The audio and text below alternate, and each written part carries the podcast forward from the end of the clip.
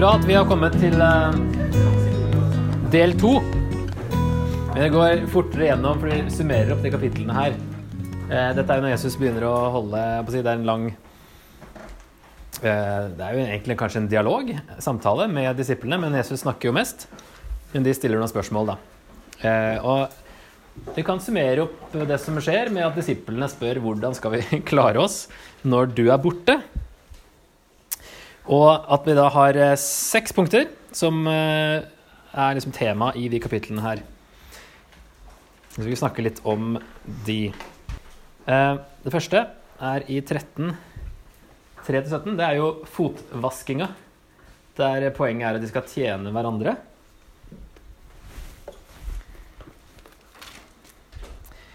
Um, når, se, I vers eh, 13.: Dere kaller meg mester og herre, og dere gjør det med rette, for jeg er det. Når jeg som er herren og mesteren har vasket deres føtter, da skylder også dere å vaske hverandres føtter. Jeg har gitt dere et forbilde. Slik jeg har gjort mot dere, skal også dere gjøre. Sannelig, sannelig, jeg sier dere, tjeneren er ikke større enn herren sin, og utsendingen er ikke større enn han som har sendt ham. Nå vet dere dette, og salige er dere så sant dere også gjør det. Så det er jo ting som vi kan ta med oss selvfølgelig inn i menigheten generelt. Hvordan eh, eh, Hva er det Jesus sier her om hvordan vi skal forholde oss til hverandre? Og her er det da et eksempel på å tjene hverandre, som er det første. Så går det videre på å elske hverandre. I eh, vers 34. Et nytt bud gir jeg dere. Dere skal elske hverandre. Som jeg har elsket dere, skal dere elske hverandre. Ved dette skal alle forstå at dere er mine disipler, at dere har kjærlighet til hverandre. Så sier han noe også i kapittel 15. Dette er mitt bud, dere skal elske hverandre som jeg har elsket dere. Ingen har større kjærlighet enn den som gir livet for vennene sine. Dere er mine venner hvis dere gjør det jeg befaler dere. Jeg kaller dere ikke lenger tjenere, for tjeneren vet ikke hva Herren hans gjør. Jeg kaller dere venner, for jeg har gjort kjent for dere alt jeg har hørt av min far. Dere har ikke utvalgt meg, men jeg har utvalgt dere og satt dere til å gå ut og bære frukt, en frukt som varer. Da skal Far gi dere alt dere ber om mitt, i mitt navn. Dette er mitt bud til dere. Elsk hverandre. Så det er viktig. Ehm, jeg skal snakke litt om de etterpå. Jeg skal bare ta lista gjennom. Bli i Jesus, bli i meg, sier han i eh, kapittel 15, 1 til 15. 11 eller 1 til 8, det spørs litt, men altså det sanne vintre som Jesus eh, snakker om der. Så uh, sier han at de må være forberedt på å møte motstand. Han sier i, vers, i 15 vers 18 om verden hater dere, skal dere vite at den har hatet meg først. Hadde dere vært av verden, hadde verden elsket sitt eget, men dere er ikke av verden. Jeg har jo utvalgt dere fra verden, derfor hater verden dere. Husk hva jeg sa til dere, en tjener er ikke større enn sin herre. Har de forfulgt meg, vil de også forfølge dere. Har de holdt fast på mitt ord, vil de også holde fast på deres. Så det er en advarsel der. Litt lenger, men trenger ikke å lese alt. så snakker han i kapittel 17 om at de må være veldig påpasselige med å beholde enheten. Der er det i kapittel 17 så ber han jo hele kapittelet. Og der ber han for akkurat her så er det at han ber for uh, disiplene, da. Og han sier at um, fra vers 20 Jeg ber ikke bare for dem, men også for dem som gjennom deres ord kommer til tro på meg. Og det gjelder jo alle kristne etter disiplene også. Må de alle være ett, slik du, far, er i meg og jeg i deg. Slik skal også de være i oss for at verden skal tro at du har sendt meg. Den herligheten du har gitt meg, har jeg gitt dem, for at de skal være ett, slik vi er ett. Jeg i dem og du i meg, så de helt og fullt kan være ett. Da skal verden skjønne at du har sendt meg, og at du elsker dem slik du har elsket meg. Så der sier han noe av det samme som i punkt eh, to, at verden skal skjønne at Jesus er eh, kommet fra Gud hvis vi elsker hverandre og har denne enheten, at vi er ett. Det er ekstremt viktig. Og så snakker han om Den hellige ånd ganske mye, som han kaller talsmannen her. da. At eh, Trenger ikke å være så bekymra, fordi jeg kommer til dere, sier han, i form av Den hellige ånd. Det er kanskje i 1418 at han sier akkurat det. Jeg lar dere ikke bli igjen som foreldreløse barn, jeg kommer til dere. Så er det at han sender sin ånd, som han kaller da, som sagt, talsmannen her. Um, allerede da på 200-tallet så var det en av disse kirkefedrene som het Tertullian, som sa om uh, de kristne Hvis du snakker om punkt 1 og 2 og 5 det herre med enheten og at den kjærligheten som vi blir bedt om å ha til hverandre. Eh, så er det et sitat da, fra rundt 200-tallet eh, fra han Tertullian, der han eh, snakker om folkets oppfatning av de kristne på den tida. Se, sier de, hvordan de elsker hverandre. For selv hater de hverandre. Altså de utenfor, de ikke-kristne. Og hvordan de er klare til å dø for hverandre. For selv er de klarere til å drepe hverandre. Sånn i verden. At det var en stor kontrast, da. Og han sier at folket så det. At de elsker hverandre. De er klare for å dø for hverandre, de kristne her. Her er det noe virkelig spesielt. Og så er det en som heter Francis Shafer.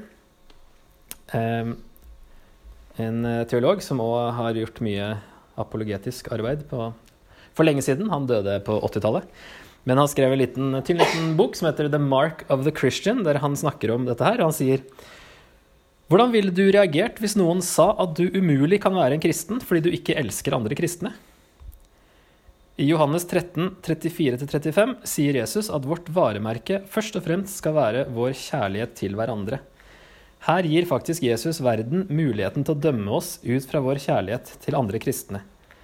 Hvis vi elsker hverandre, vil ikke verden ha noen grunn til å si at vi ikke er kristne. Kjærlighet må også komme før teologiske svar, selv om disse også er viktige. Dette trenger ikke bety at verden har rett i at du ikke er skikkelig frelst, men verden er i alle fall ikke noe nærmere å bli frelst, selv hvis denne kjærligheten å bli frelst selv, hvis denne kjærligheten ikke er synlig. Så det her er det Jesus sier, det her er det viktigste vi kan gjøre hvis folk skal komme til tro. Det er at vi har et fellesskap som, hvor vi elsker hverandre selv om vi har forskjellige meninger, selv om vi er forskjellige, og at denne enheten eh, er så synlig, da, som den også virker som den var i oldkirken. Og vi ser jo i begynnelsen av apostlenes gjerninger òg, hvordan de hadde alt felles. Og han sier videre, han eh, Shafer uh, går inn på punkt 5 fra kapittel 17, uh, eh, at vår enhet er ment å skulle vise verden at evangeliet er sant. Vi kan altså ikke forvente at de skal tro på kristendommen hvis, vi, hvis ikke vi har en enhet. Det må være en synlig enhet, siden verden skal kunne se det. Men Jesus snakker ikke dermed om en ytre organisatorisk enhet. Dette kan i stedet gi verden inntrykk av at medlemmenes frihet berøves. Men hvis vi på tross av våre ulike trosretninger klarer å stå sammen, vil det vise verden at vi har en annerledes kjærlighet til hverandre. Løsningen er trolig derfor ikke å avskaffe de ulike trossamfunn innenfor kristendommen. Kjærligheten vil bli synlig for verden hvis vi har enhet til tross for ulikhetene våre. Vi må derfor alltid tale i kjærlighet hvis vi har et problem med en annen kristen. Vårt mål må være en løsning og ikke en seier. Målet er å gi Gud ære, og vi må løse problemene mellom oss for Guds skyld. Utrolig mye bra som står i den lille The Mark of a Christian. Og det her og vi kan liksom finne på så mye sånne misjonsstrategier og evangeliseringsstrategier. Men hvis ikke vi har det her på plass, så det er det her som, det det her som skal overbevise verden, sier Jesus. Og en uh, kompis av meg som jobber i laget, han var også fem år i Kirgisistan og starta lagsbevegelsen der. Og han sa at det var alltid fellesskapet som fikk folk inn. Det kristne fellesskapet var eh, attraktivt, så folk ble med i bibelgruppe, og så var det Bibelen som fikk dem til å tro. Det var så enkelt. Fellesskap og Bibel. Vi trenger egentlig ikke noe mer. Så det her, det her sier Jesus, det her må dere passe på å få riktig. Så selv om vi har altså I Trondheim har jeg inntrykk av at det er en ganske god tone mellom forskjellige menigheter. Det er supert. Jeg vet ikke om det er sånn overalt uh, i Norge eller i verden. Uh, men uh, vi har kommet nærmere, syns jeg, i løpet av en generasjon. da, Eller en halv generasjon, eller hvordan man skal telle. Det var mye mer Da jeg vokste opp, så var det mye mer sånn murer enn det er nå. Og folk går liksom i en menighet i et år før de skjønner hva slags menighet det er. De går der fordi de liker å gå der, og er ikke så opphengt i de forskjellene. Så det er kjempebra. Det går an å ha forskjellig syn på visse teologiske ting, forskjellige trosuttrykk og stil osv., men likevel ha en enhet som da overgår alt det. Og da jeg snakka med disse Jehovas vitnene, så skrøt jo de av at vi har så enhet, fordi vi mener alle det samme. Mens dere, eh, protestanter spesielt, da, dere er jo oppdelt i 33 000 forskjellige retninger eller noe sånt. Og så sa jeg tilbake at ja, men det er ikke så rart at dere har enhet, fordi dere sparker ut alle som mener noe annet. Så det er jo en sånn kunstig enhet. Da. At det er ikke lov med noe annet. Og da kan man liksom ikke skryte av den enheten på samme måte som at hvis vi har en enhet og vi elsker hverandre, selv om vi mener noe, noe forskjellig, altså vi ikke er enige om alle detaljer og, og, hva alt betyr, at vi likevel elsker hverandre, vil være, som han sier, en, en sterkere eh, vitnesbyrd. Så det her er basic og veldig viktig, som vi ikke må glemme. Eh, tenkte å ta denne her eh, 'bli meg'-biten. Syns fortsatt det bildet her er ganske komisk, med Jesus som vintre og apostlene som greiner. Veldig bokstavelig. Og Gud som uh, vingårdsmannen der oppe. Faderen. Her har jeg teksten. Den kommer her. Jeg er det sanne vintre, og min far er vinbonden. Hver grein på meg som ikke bærer frukt, tar han bort, og hver grein som bærer frukt, renser han så den skal bære mer. Dere er alt rene på grunn av det ordet jeg har talt til dere. Bli i meg, så blir jeg i dere. Slik som greinen ikke kan bære frukt av seg selv, men bare hvis den blir på vintreet, slik kan heller ikke dere bære frukt hvis dere ikke blir i meg. Jeg er vintreet, dere er greinene. Den som blir i meg og jeg i han, bærer mye frukt. For uten meg kan dere ingenting gjøre. Den som ikke blir i meg, blir kastet utenfor som en grein og visner. Og greinene blir samlet sammen og kastet på ilden, og de brenner. Hvis dere blir i meg, og mine ord blir i dere, be da om hva dere vil, og dere skal få det. For ved dette blir min far æret, at dere bærer mye frukt og blir mine disipler. Stopper her med vers 8, da. Det kan høres stress ut, det her, å bære frukt. Jeg vet ikke hva slags uh, følelse dere får når dere leser dette her, men det kan uh, kjennes litt sånn stressende. At vi må Hva slags frukt skal vi bære, og hvordan skal vi gjøre det? Og da tenker vi på ting vi kanskje burde ha gjort, og at vi ikke gjør så mye, og vi burde gjort mer. Det kan hende at vi burde gjort mer, men, uh, men hva er det Jesus egentlig snakker om her? Hva slags frukt er det han snakker om? Og når han sier da 'jeg er det sanne vintreet', hva er det som er det usanne vintreet? Hvis han er det sanne vintreet, eller hva er det som er et, et uh, Hva er det han sammenligner seg med, da? Og det er greit å vite at et vintre ser litt sånn spesielt ut også. Det er en uh, tjukk stamme som bærer på en måte hele treet. Og så må greinene etter hvert, i hvert fall når de får frukt, så må de holdes oppe med disse Da må bonden komme og lage sånne strenger, strenger som man må henge greinene på, for det er ganske sånn tynne, pinglete greiner. Så en, en, eller annen må gå rundt og passe på for at frukten skal komme. At man må løfte opp greinene og henge de på disse trådene. Så vi er jo de greinene.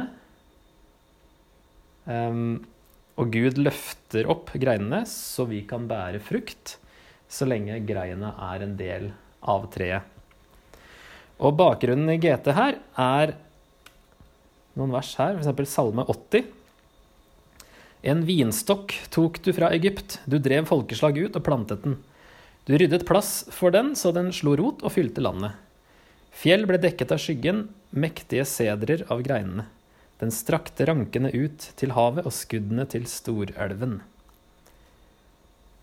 Og også i Jeremia, Esekiel, Hosea og i Jesaja er det mye snakk om en vingård, som også er et viktig bilde eh, også for Nytestamentet.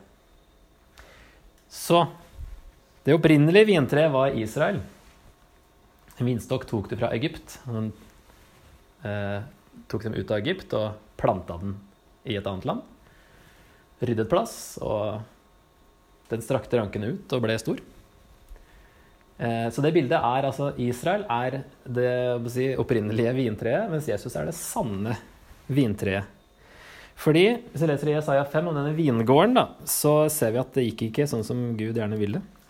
For vingården til Herren over hærskarene, det er Israels hus, og menneskene i Juda er hans kjæreste hage. Han ventet rett, men se, det kom blod. Rettferd, men se, det kom skrik. Så den rette frukten kom ikke. Det kom blod og skrik i stedet for rett og rettferd. Israel hadde ikke båret den frukten Gud forventet. Og her i kapittel 15 så redefinerer Jesus da Israel til å handle om en relasjon til han. Han oppfyller Israel og er det sanne vintreet som bærer den frukten Gud ønsker. Ingen kan bære frukt hvis det ikke er i Jesus, og Jesus er hele treet. Og så sier han dere er alt rene pga. det ordet jeg har talt til dere. Og det har vi sett på litt eh, forrige gang, at eh, Jesus sa f.eks.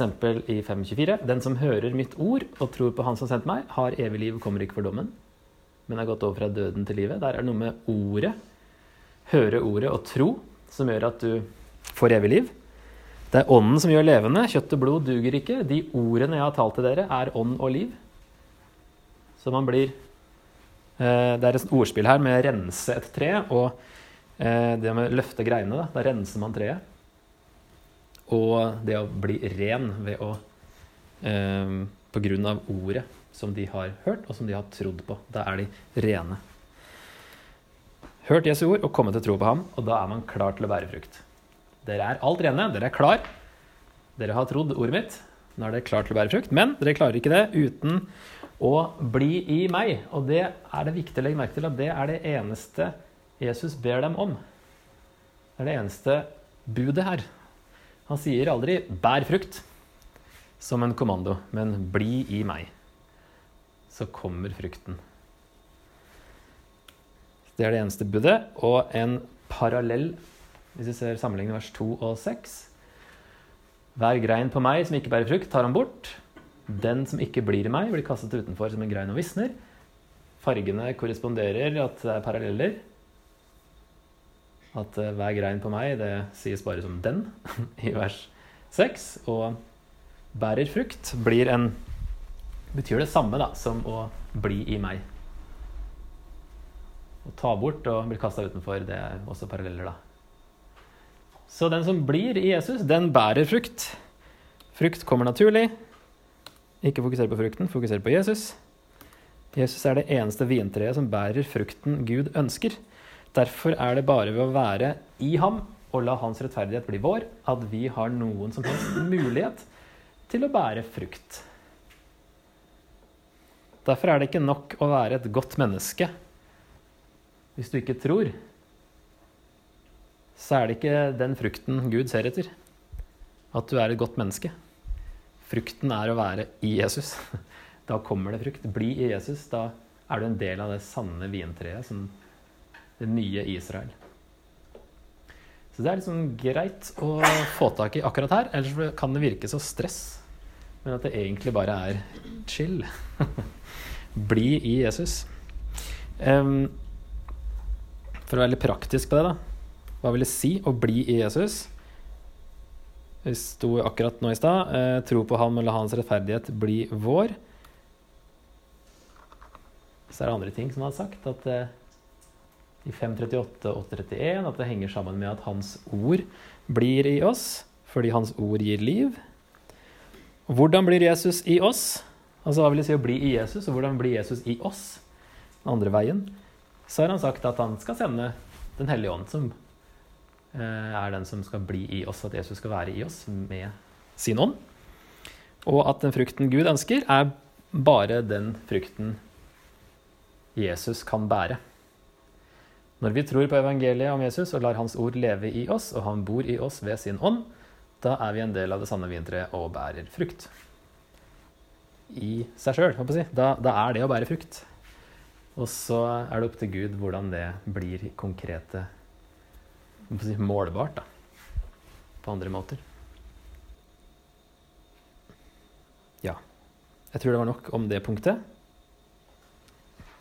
Så var det punkt eh, fire.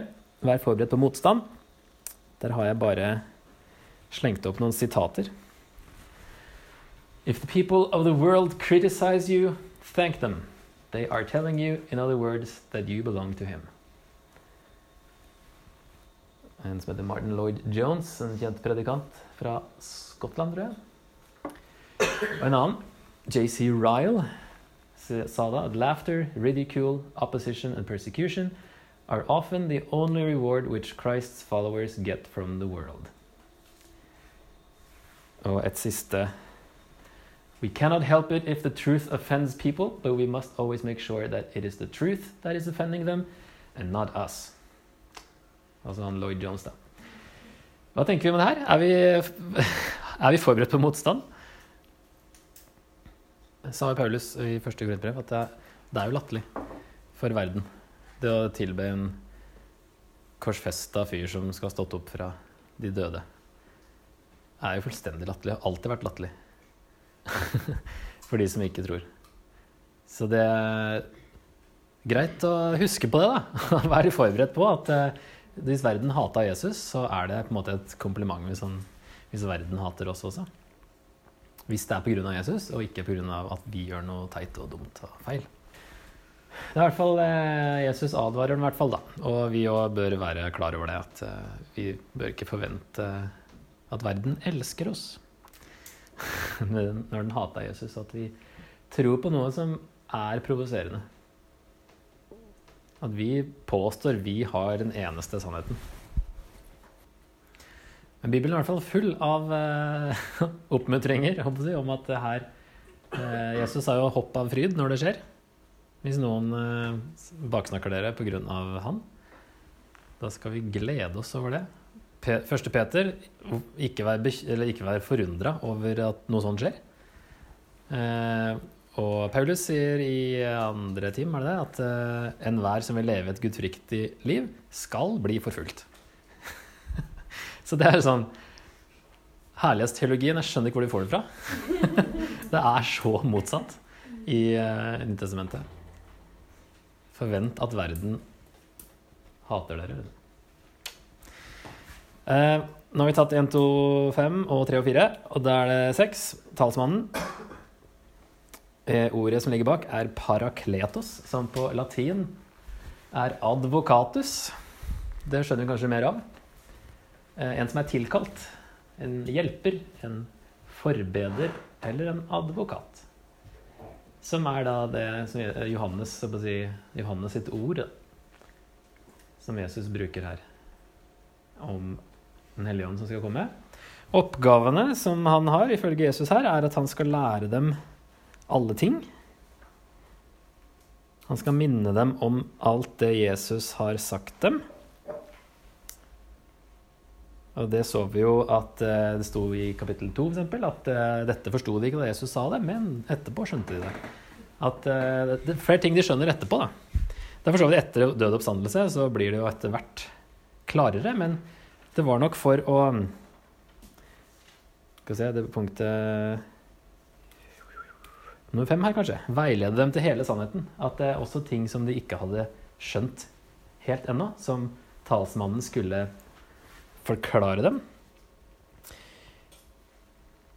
Og tilbake til punkt to. Hvis vi skulle minne om alt det Jesus har sagt dem, så for vår del da, så er det jo eh, dette med å høre Jesus stemme òg gjennom Bibelen. Det er jo der det står hva Jesus har sagt. Så vi, hvis vi først leser det, så er det lettere å bli minna på det han sa også. Hvis vi har eh, noe, et minne som kan fremkalles i visse situasjoner der vi trenger det. Eh, nummer tre vitne om Jesus og herliggjøre han. Han skal altså peke på Jesus og ikke vitne om seg selv. Eh, han skal ikke finne på noe nytt, men minne dem om det Jesus sa da. Så Jesus er sentrum hele veien. Og så nummer fire overbevise verden om synd, rettferdighet og dom. Og uh, forklarer det som at uh, synden er at de ikke tror på meg, sier Jesus i 16,9. Og det så vi jo tidligere, at uh, hele verden er på en måte dømt. I kapittel 3 og Jesus sier at Ja, tre var kanskje Ja, flere ting i starten av evangeliet der, der Jesus sier at den som ikke tror på meg, er allerede dømt. At alle er dømt, men troen er utveien. Og Helligånd er i verden for å overbevise om synd, rettferdighet og dom, og drar folk eh, til Jesus. Og står han skal tale det han hører. Det var det samme som Jesus sa, at han gjorde. Og han skal fortelle dem hva som kommer. Som kanskje var litt sånn glimt av hva som venter, da. Er det noen forfølgelser eller noen profetiske ord om framtiden, kanskje? Så det er uh, mye ting her som jeg føler vi ikke snakker så mye om. Vi snakker mye om nådegaver og sånn. vi snakker ikke så veldig mye om det, at Den hellige ånd gjør disse tinga. Uh, I hvert fall ikke har jeg hørt så mye om det i det siste. Og hva det betyr for oss, det er jo interessant å tenke over. Og at, i hvert fall det her med at han, er, han driver og overbeviser verden om synd. Han driver og jobber. og uh, uten at vi er klar over det. Sånn at folk plutselig hører Jesus stemme. Uten kanskje at vi ser helt hvorfor skulle den, bare den ene personen i den familien hvor ingen andre tror, plutselig er det én som tror. Hvordan går det til, liksom? Så det var siste punktet, veldig raskt, da, om eh, Den hellige ånd, som Jesus snakker en del om her i Johans evangeliet. Og det er jo viktige ting som de skulle Hvordan skal vi klare oss? Ja, dere får i hvert fall Ånden. Så han minna dem om, om, alt Jesus har sagt dem, også når de skulle skrive ned det, evangeliene sine, f.eks., og brev og sånt. Så er det Den hellige ånd som har vært med og minna dem på ting. Jeg tror kanskje vi rekker en sånn her undesigned coincidence til.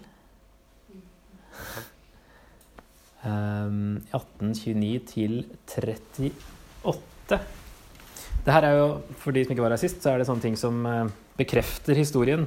Fordi vi finner ikke alle detaljene i ett evangelium, og vi må eh, sammenligne med de andre for å forstå hele bildet. Så her i 1829 til 38 så er det Jesus og Pilatus. Fra vers 29. Pilatus gikk da ut til dem og sa, Hva er anklagen som dere fremfører mot dette mennesket? De svarte, var han ikke en forbryter, hadde vi ikke overgitt ham til deg. Ta ham dere og døm ham etter deres egen lov, sa Pilatus. Men jødene svarte, vi har ikke rett til å ta livet av noen. Slik skulle det ordet bli oppfylt, som Jesus hadde sagt da han ga til kjenne hva slags død han skulle lide. Pilatus gikk da inn i borgen igjen, kalte Jesus til seg og sa, Er du jødenes konge? Jesus svarte ham, Sier du dette av deg selv, eller har andre sagt det om meg? Er vel jeg jøde? sa Pilatus. Ditt eget folk og overprestene har overgitt deg etter meg. Hva er det du har gjort? Jesus svarte, Min kongsmakt er ikke av denne verden. Var min kongsmakt av denne verden, hadde mine menn kjempet for at jeg ikke skulle bli overgitt til jødene. Men min kongsmakt er ikke herfra. Du er altså konge? sa Pilatus. Du sier at jeg er konge, svarte Jesus. For å vitne om sannheten er jeg født, og derfor er jeg kommet til verden. Hver den som er av sannheten, hører min røst. Hva er sannhet? sa Pilatus. Deretter gikk han igjen ut til jødene og sa til dem, jeg finner ingen skyld hos denne mannen. Så her får vi eneste stedet, eneste evangeliet som har med dialogen mellom eh, og Nei, mellom Pilatus og Jesus. Um, hvis vi leser Vi kan kanskje lese det først, da, men nå har jeg liksom spoiler hele saken her. Men i, i Lukas 23 så er det så rart at Altså Hadde vi ikke hatt uh, Johannes 18, da, så hadde vi ikke skjønt hvorfor, hvorfor Pilatus tar, så, tar så lett på det her med at Jesus sier at han er konge. For der spør Pilatus er du jødenes konge. Du sier det, svarte Jesus. Da sa Pilatus til overpresten om folkemengden jeg finner ingen skyld hos denne mannen. Det, sånn, ja, det burde du jo ta litt mer seriøst hvis han faktisk eh, påsto å være konge, og da være altså, en, en, trussel mot keiseren. Men her ser vi at Johannes 18 da fyller inn hullene ved å gi flere opplysninger om hva samtalen mellom Jesus og Pilatus dreide seg om. Så når Pilatus undersøker nærmere, virker ikke dette som noen trussel mot romersk styre likevel, siden Jesus sier at 'min kongsmakt er ikke av denne verden', osv. Så, så skjønner han liksom ok, det her handler om noe annet. Men så har ikke Johannes heller med anklagen om å være konge, bare at han er en forbryter. Så hvorfor skulle da Pilatus spørre om Jesus var konge, hvis vi ikke hadde f.eks. Lukas der han spør er du jødenes konge. Nei, det er folket um, Han gir seg ut for å være Messias, altså konge, sier folket i Lukas. Mens den anklagen om konge er ikke med i, i Johannes. Så vi ser hvordan detaljene fyller ut bilder fra forskjellige evangelier og bekrefter da troverdigheten. Fordi de forteller samme sanne historie. Så det er eh, interessante ting sånn som vi ikke ser, kanskje, fordi vi som sagt kjenner historien litt for godt til å huske på hva som står og ikke står i hvilket evangelium.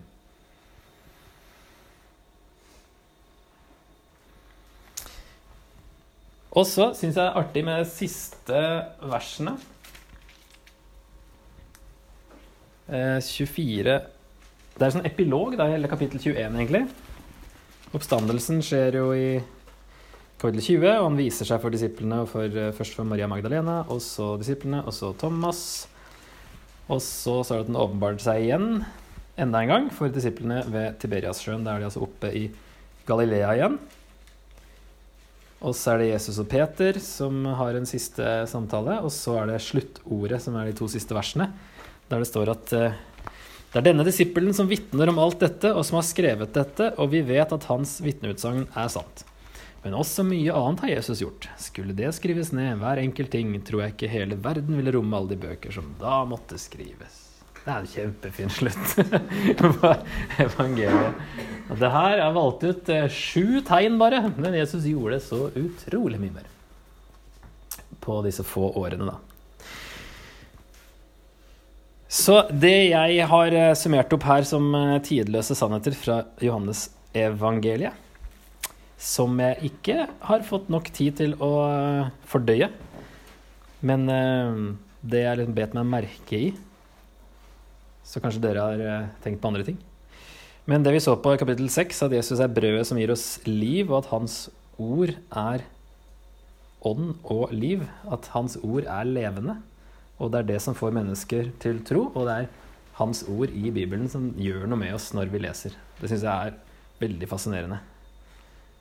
Det er, en, det er en levende bok, det er ikke bare en klisjé. Og så er det det her med at Jesus er alt. Han er livets brød, verdens lys som skinner i mørket, og som er verdens redning. Porten inn til frelsen, den som er veien til vår himmelske Far, den gode hyrde som leder de som følger ham. Den som gjør det mulig for oss å stå opp igjen fra de døde og ha evig liv. Den som er sannheten med stor S i en verden full av subjektive sannheter. Han som er det evige livet selv. Og alt han ber oss om å gjøre, er å bli i ham det, det, det er eh, Det er ganske stort. Jesus er Han er så mye. Alle sier 'jeg er' og pluss mer, og så er det liksom bare 'bli meg'. Så er jeg alt og ordner alt for dere. Så sa han også i 1423, det har vi vel ikke lest, men eh, den som elsker meg, vil holde fast på mitt ord, og min far skal elske ham, og vi skal komme og bo hos ham. Så når vi elsker Jesus, så lever vi etter hans ord, etter det han har sagt. Og holder fast på det, det Bibelen sier, da. Det Jesus sa. Og så er det det her med 'mine sauer hører min stemme'. Jeg kjenner dem, og de følger meg. At Jesus leder oss når vi blir forvirra. Eller leder oss for første gang til å komme til Han også. Med at vi kjenner den stemmen. Og ved å lese Bibelen så kjenner vi den stemmen mer, tror jeg. Og at vi kan følge, følge Jesus på den måten. Prøve å høre etter. Lytte til den stemmen. Og det her med Den hellige ånd, at han er aktiv i verden med å overbevise mennesker og for å hjelpe oss. Overbevise mennesker om synd. Kanskje mer aktiv enn vi tenker. I hvert fall enn jeg hadde rukket å tenkt. og at han er her for å hjelpe oss.